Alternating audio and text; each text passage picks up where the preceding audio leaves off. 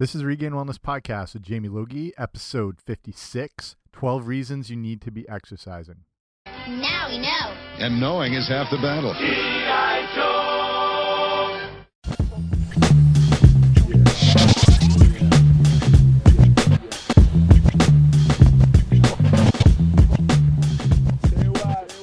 Hey guys, what's happening? Welcome back to the podcast. I'm Jamie Logie. I run regainedwellness.com. This is the Regained Wellness Podcast.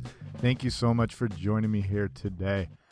So we're winding down. It's pretty much the end of the summer. Today is uh, Labor Day. Hey, I'm still working no matter if it's Labor Day or not.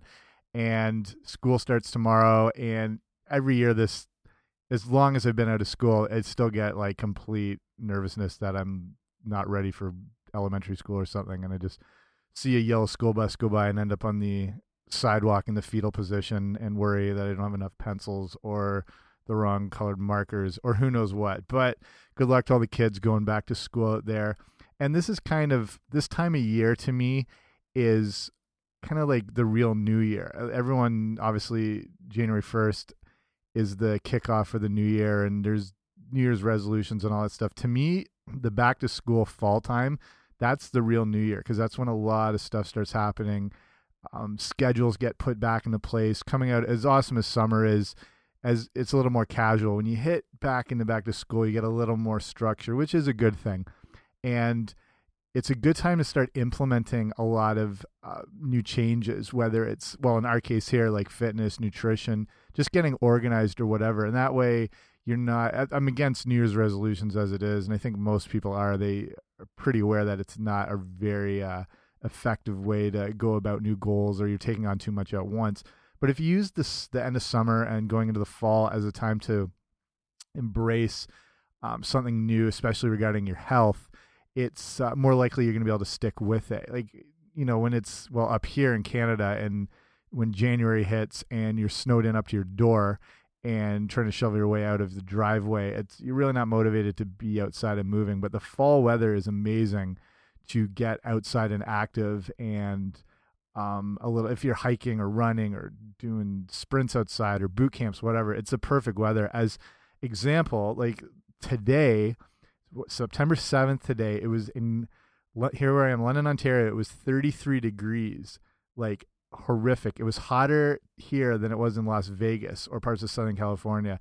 So the summer weather is not always conducive to exercise. As much as you want to be outside there when you have potential uh, humidex warnings or smog alerts or whatever, not ideal to be doing anything super intense. You can really do damage in your lungs and your bronchioles, the whole deal. It puts a lot of stress on your central nervous system and stuff I've talked about before. But the fall weather is amazing uh, when it gets crisper, cooler to really get active and be outside. And today we're talking about the reasons you want to exercise. Everyone, you know, in the back of your head, you know why you want to exercise. If I'm going to lay out 12 different things that really show you why you want to be exercising and examples why and stuff like that. So, looking at it firstly, what if you are exercising? If you're not, hopefully this will encourage you to start going. But if you are exercising, what makes up your routine? There's, I mean, the possibilities are limitless. And ideally, just getting yourself out there and moving is the main idea. But when you narrow it down, exercise takes on many forms, including weightlifting, jogging, or yogging. I think it's a soft J. Biking, yoga, you know, rowing. You can do CrossFit, Tai Chi, tennis, sprints, stair running. If you play any like pickup sports, recreational team sports, boot camps, cardio classes, swimming's amazing, cross country skiing, anything. Sweating to the oldies on your old cassette tape kids ask your parents what a cassette tape is if you're not sure. It's uh, an extremely ancient form of technology. And I feel bad for all the kids who will never know the satisfaction of having to wind back the pulled out tape with a pencil, like putting it right in between the little thing, having to get back in. That's that's something we cherish. So sorry again, kids. Yeah, if you're not sure what a Walkman is, if you're looking around in your parents' attic, it'll be in a box um, with an old Cabbage Patch Kid, and that's what held a cassette tape. So, before I get going too far and start talking about like Charles in Charge or who's the boss, let's look at 12 of the best reasons you need to be exercising. Okay, this is in no particular order. So let's just go number one. Um, probably the main reason everyone exercises because it promotes weight loss. So let's look at this first. Exercise increases the capacity of a muscle to burn fat. And along with that, the formation of lean muscle again enhances your metabolism. So muscle is more metabolically active even at rest. So the leaner you are, the more efficient your body is at burning calories. And along with that, there's a growing interest now and stuff I've covered on the show um, in activities that are called high intensity interval training or HIIT training or Tabata training as they promote a style of workout that allows the body to continue to burn calories after the exercise is completed. So for high intensity interval training, it involves an intense burst of an exercise for roughly 30 to 45 seconds, followed by a lower intensity kind of recovery period of around 90 seconds or so. So this encourages the body to use sugar as a primary primary fuel source during the higher intensity phase and fat during that lower intensity recovery phase. And this leads to greater fat loss despite its shorter time working out than those engaging in less vigorous exercise or lower moderate intense intensity style exercise. So the the advantage with this type of training specifically is it puts you in a different type of recovery mode um, called excess post exercise oxygen consumption or EPOC. And what this means is there is a larger oxygen uptake by the body to replenish the oxygen deficiency you experienced during that high intensity training. So essentially, you're entering into an afterburn effect as your body continues to burn calories long after this high intensity training. Upwards of some research says upwards of 36 hours past that workout point, your body is still um, kind of burning calories from that afterburn effect. So a basic high intensity workout is would be sprints on a stationary bike where you'd perform an all out sprint at a higher resistance on the dial. So say like you know the the resistance dial goes up to a 10 or a 20 or whatever. Let's just say a, let's say a 20 um, just to get a good idea of where that's at. So you'd be up, you know, you'd be upwards of maybe like a 15 or, you know, 14 or 15, give or take a little bit. So this is a full out hard sprint. And then the 90 second recovery time would be a lighter resistance at like a three or a four, just something to keep the pedals moving, keep your body moving. So then you can repeat that anywhere from three to eight times, and that would make up a whole high intensity workout. So, not something you would want to do every day per se, especially if you're new to fitness or if you're just the average person working out. But it's something you can do two, maybe three times a week, and you want to make sure you give at least a day or two of rest in between when you uh, do those um, high intensity intervals. It's it works well if you're doing any strength training. It works well at the end of a workout too, so you can make your strength training workout. Um, again, you don't have to be in a gym super long, never more than 30, 40 minutes to me max. And then if you tack this on at the end, you know, even like five sets of the, those sprints on the bike won't take you too long and you're still in and out of the gym in like 40, 45 minutes. So very effective. So second reason here why exercise is so is so important is it helps prevent type 2 diabetes. And this is interesting because as you've probably seen, this used to be called adult onset diabetes. However, it's started to show up in teenagers and even kids like 9-year-olds, 10-year-olds. Um, so many younger people who were not adults were starting to get this, so they had to change the name to type 2 diabetes instead of adult onset. Type 2 diabetes is a non insulin dependent diabetes. So, um, long term intervention of exercise along with a clean diet can really lead to great improvements to prevent or postpone manifest diabetes. So, a very key reason why you want to be exercising. Number three, Exercise helps build strong bones and prevents osteoporosis. So, high impact weight bearing exercise actually helps to build bone and also to keep them strong. So, examples of that, you know, high impact weight bearing things are running, hiking, stair climbing, sports, whatever. High impact exercise might not always be possible for some people. Low impact still has benefits for strengthening and building bone. And obviously, if you have bone issues, joint problems, you want to double check with a doctor and in all things fitness, exercise, just to make sure you're okay to go into this sort of thing. And, you know, if you don't have those problems, then you could participate in those higher impact things because they do build, you know, the bone stronger. Um, with that, with the lower impact exercise still having some benefit, that would be things like using elliptical machines like cross trainers. Uh, biking is amazing. You can go forever, no problem on your joints. Uh, low impact cardio classes are out there. Basically, exercise helps to increase the mineral content of the bone, and it also helps prevent the uh, age related decline in, in skeletal mass and stuff like that. So, amazing effects that exercise has on your skeletal system. It's really incredible, actually. Number four, exercise helps protect you from getting heart disease.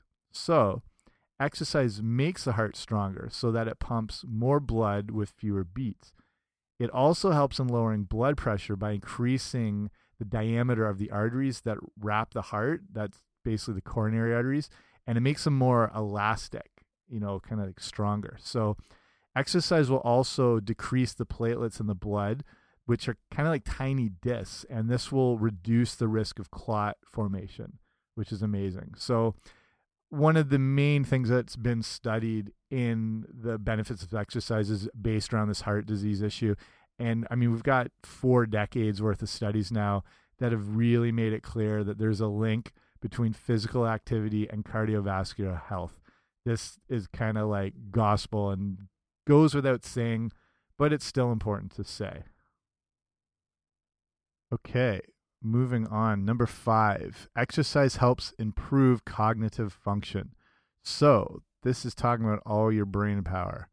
And research from the University of Minnesota found that young adults who run or participate in aerobic activities preserve their thinking and memory skills for middle age, as long as they don't own selfie sticks and watch Keeping Up with the Kardashians. Then they're in the clear.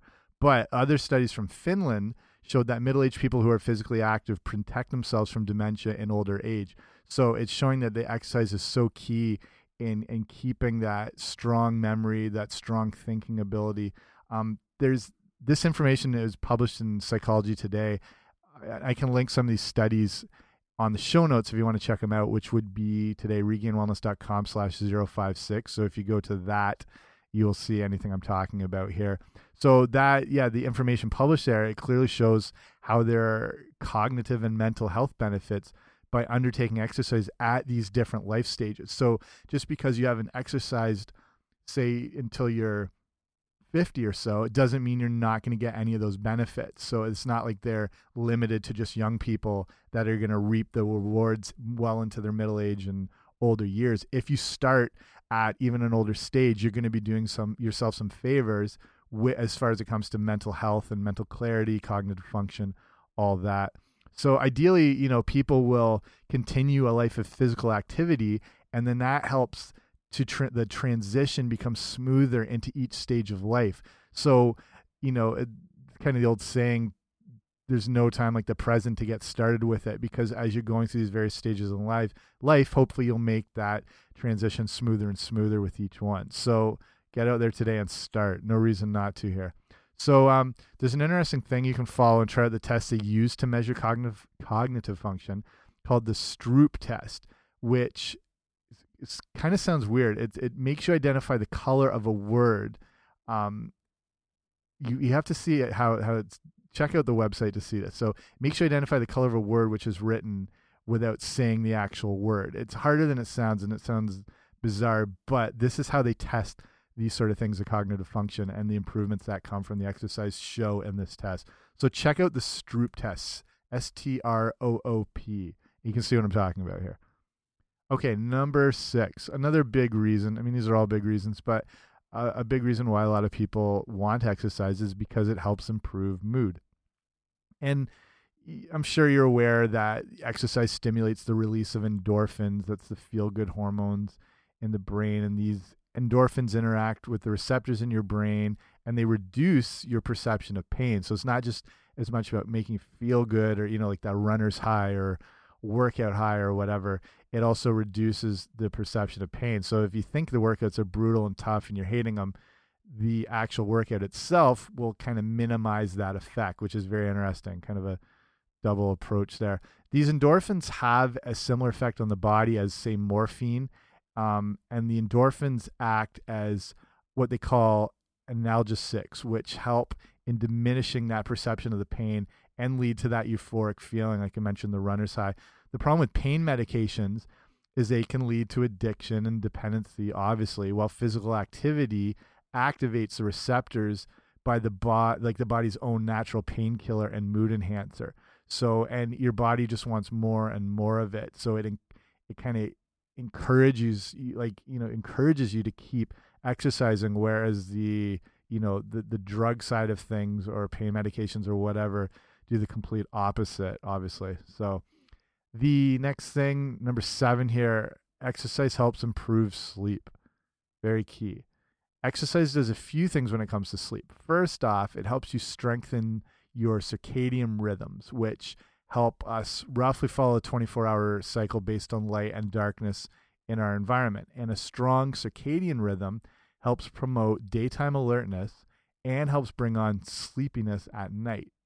Very important. So, the poll done by the National Sleep Foundation found that people who exercise regularly were reported to sleep well on most nights compared to those who were not active. Um, quality of sleep is also improved by exercise, not just the quantity. So, studies are showing that daytime physical activity may stimulate longer periods of slow wave sleep, which is the deepest and most restorative portion of our sleep. And everyone knows about REM cycles and everything like that. And that's the deep, deep portion of sleep where the real recovery and actually that's where your fitness and your strength is really built. It's not necessarily built in the gym. That just sort of triggers um, the ability to have the response to adapt, recover, and repair. So you grow in your sleep. If you want to build muscle strength, you grow when you sleep. You get stronger when you sleep. That's when your body uses all its raw materials and then it recovers and it repairs tissue. And that's the whole thing. That's why it's so important for babies to sleep all the time because they're growing and developing. Same thing with teenagers. As much crap as teenagers get for sleeping until noon all the time, it actually is very critical because this is a period where their bodies are growing a lot and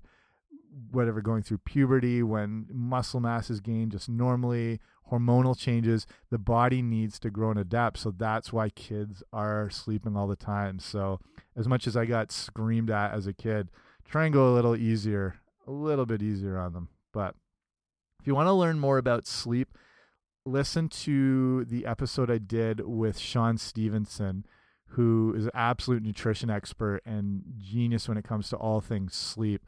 And I'll link that episode up uh, because just some amazing insights, and you'll see how if you neglect your sleep, you're you're basically fighting a losing battle in every every aspect of your life, not just fitness and whatever. So I'll link that up. Please check out that episode. Shawn's incredible. So let's move on. Number eight exercise reduces LDL cholesterol. And cholesterol, massive topic.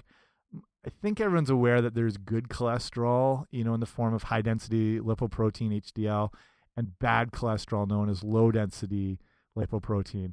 And I mean these things aren't technically technically cholesterols, they're they're proteins, but they are a measurement of where your body is at. This I mean like I said massive topic. I don't want to totally get into it now. We'll save for another episode. Um, and again, like there's a few forms of LDL. There are actually some good LDL that come in the form of like a large fluffy type molecule and then small dense LDL particles. The small dense particles are the ones that are really causing the damage and exercise. So if you're taking one thing away about cholesterol, it, it's not as simple as just good cholesterol HDL and bad LDL. There's some actual good LDL cholesterol too. Um, in regards to exercise, it helps in reducing those small, bad, dense LDL particles by up to 17% observed over a 12 week endurance exercise program. And studies also suggest that exercise can increase the transport of cholesterol from the rest of the body to the liver, where it will eventually be expelled by the body. So, good stuff from exercise again. Number nine, niner, exercise lowers blood pressure. So, those with extremely high blood pressure obviously need to be cautious regarding strenuous activity. Consult with a physician. Just need to say that. I'm sure you're aware of it.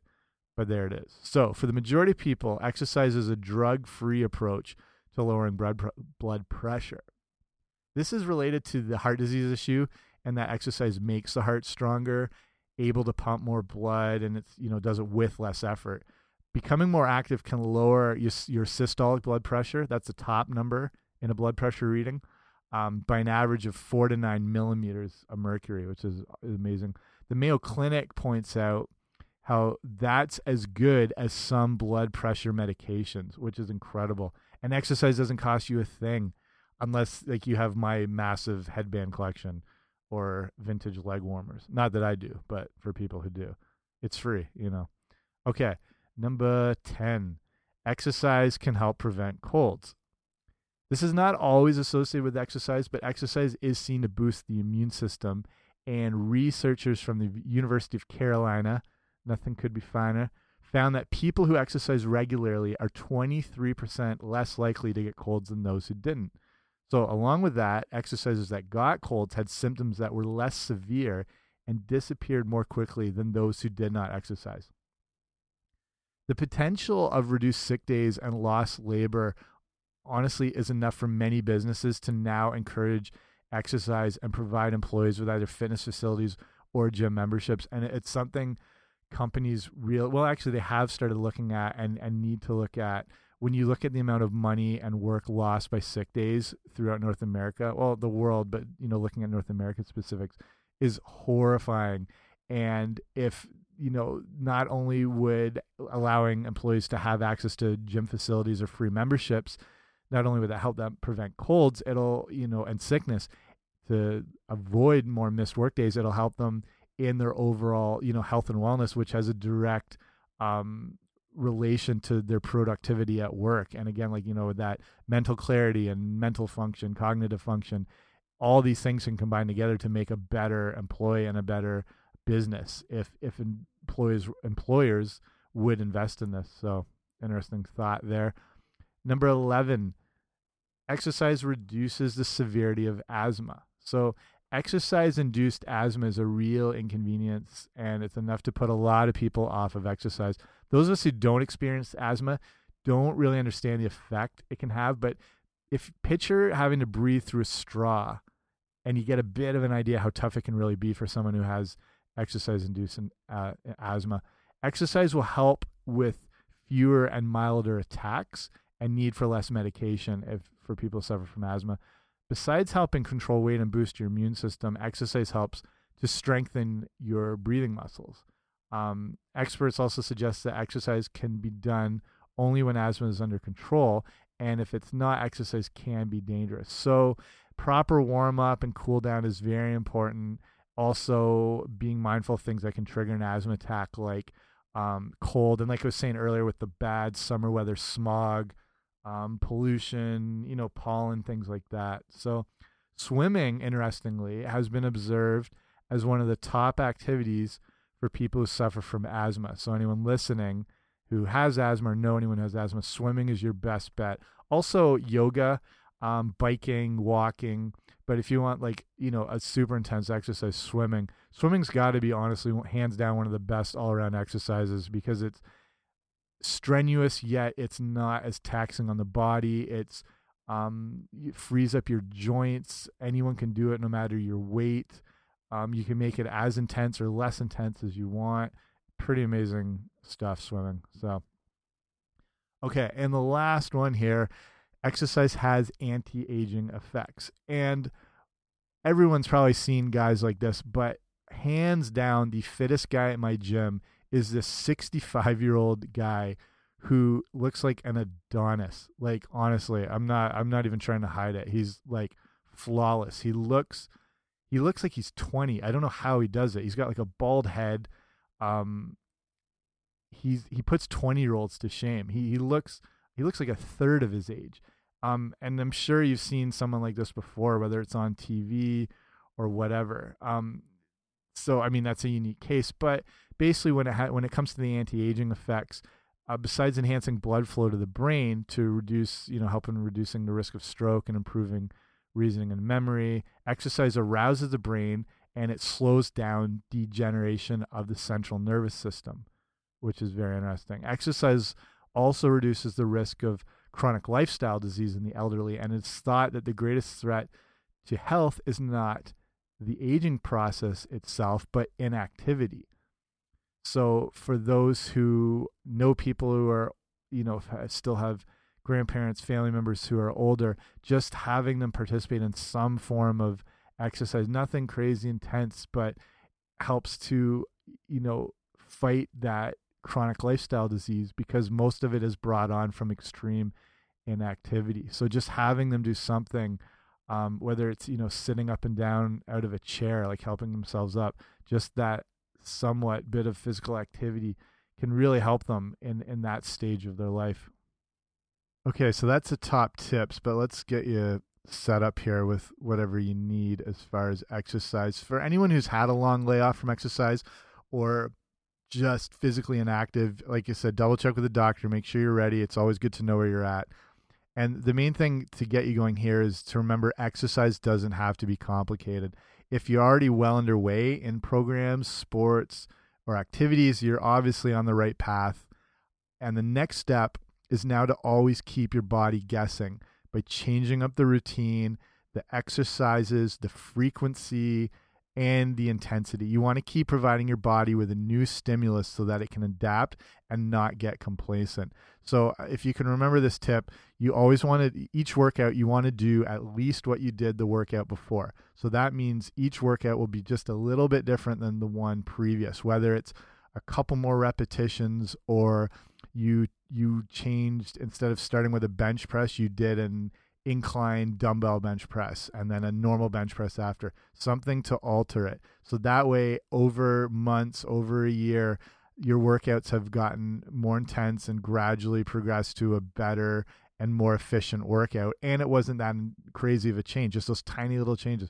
If you're doing, you know, like the high intensity interval training and you did, um, five sets of 30 seconds sprint with a 90 second rest in between, say on the stationary bike. The next time, do the five sets of 35 second sprint and then the 90 second. Just that little bit. That's what keeps your body progressing. And that's what builds true fitness and true wellness. So, um, for those who might be new to exercise, remember to start slow, but know even those gradual changes are going to have the tremendous benefit. So, like you know, I said, aiming for 30 minutes a day of whatever is just going to get you on the right path to experiencing all those benefits listed above. Then there'll be tons of times, that, or sorry, a lot of time in the future to start, you know, making it a little more specific or switching it up. The idea is just to get moving. Um, it might be a brisk 30 minute walk. You don't have to be part of a gym, you know, necessarily. You can do a bike ride, a hike, you can play tennis.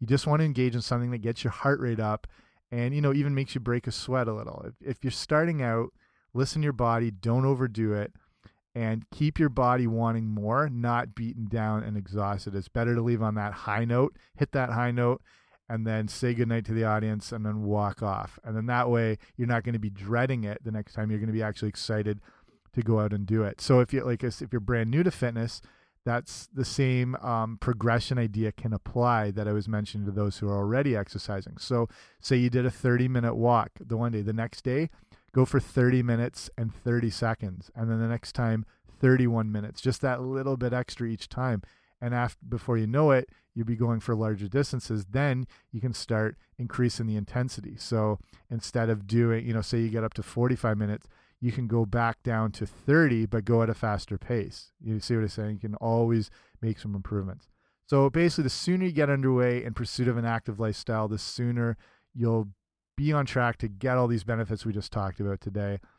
And then you you know just get yourself going, bust out the old Walkman, get the headband on, grab the leg warmers, whatever you need to do to get going. Put on Richard Simmons, but hopefully I've given you a bunch of good stuff you can do to get started. So that's where I'll leave it for today. And if you have any more, if you have any questions regarding fitness, you can email me at info at regainedwellness.com. Um, say what's up. I'll check it out. You can you know check me out on facebook. Actually you know what? Facebook sucks. Don't don't check me out on facebook. I hopefully people are getting away from facebook altogether. But you know what i prefer right now? Instagram. I think that is the best of the social media because it's very simple it's just pictures it's not loaded with links you, you're not having a bunch of crap shoved down your throat. So if you're on Instagram, look at look for me. It's just Regained Wellness on there. So I'll post a lot of, you know, um, facts on food, motivational tips, workout stuff, a little bit everything. So I'm a big fan of that right now. If you want to, if you want to check Twitter, I'm at Regained Wellness. If you want to see that. So um, that's pretty much it for me today. If you haven't already, make sure to get signed up for that old uh, Regained Wellness newsletter, which I basically share like a lot of different info that I don't share on the website through the email. And when you do sign up, I send you off a free ebook, which is a health eating starter kit. And it gets you up to speed with a lot of things you want to be including in your diet, things you want to avoid. It's got some recipes, bingo bango, get you set up. So if you go to regainedwellness.com slash guide, that gets you sent right off to you. Okay, sweet. Thank you, everybody. Enjoy back to school. Enjoy the fall. I'll talk to you soon. Remember, with your health, your wellness, this whole fitness aspect, that it's not always going to go perfect, but you want to focus on progress and not perfection. See you next time.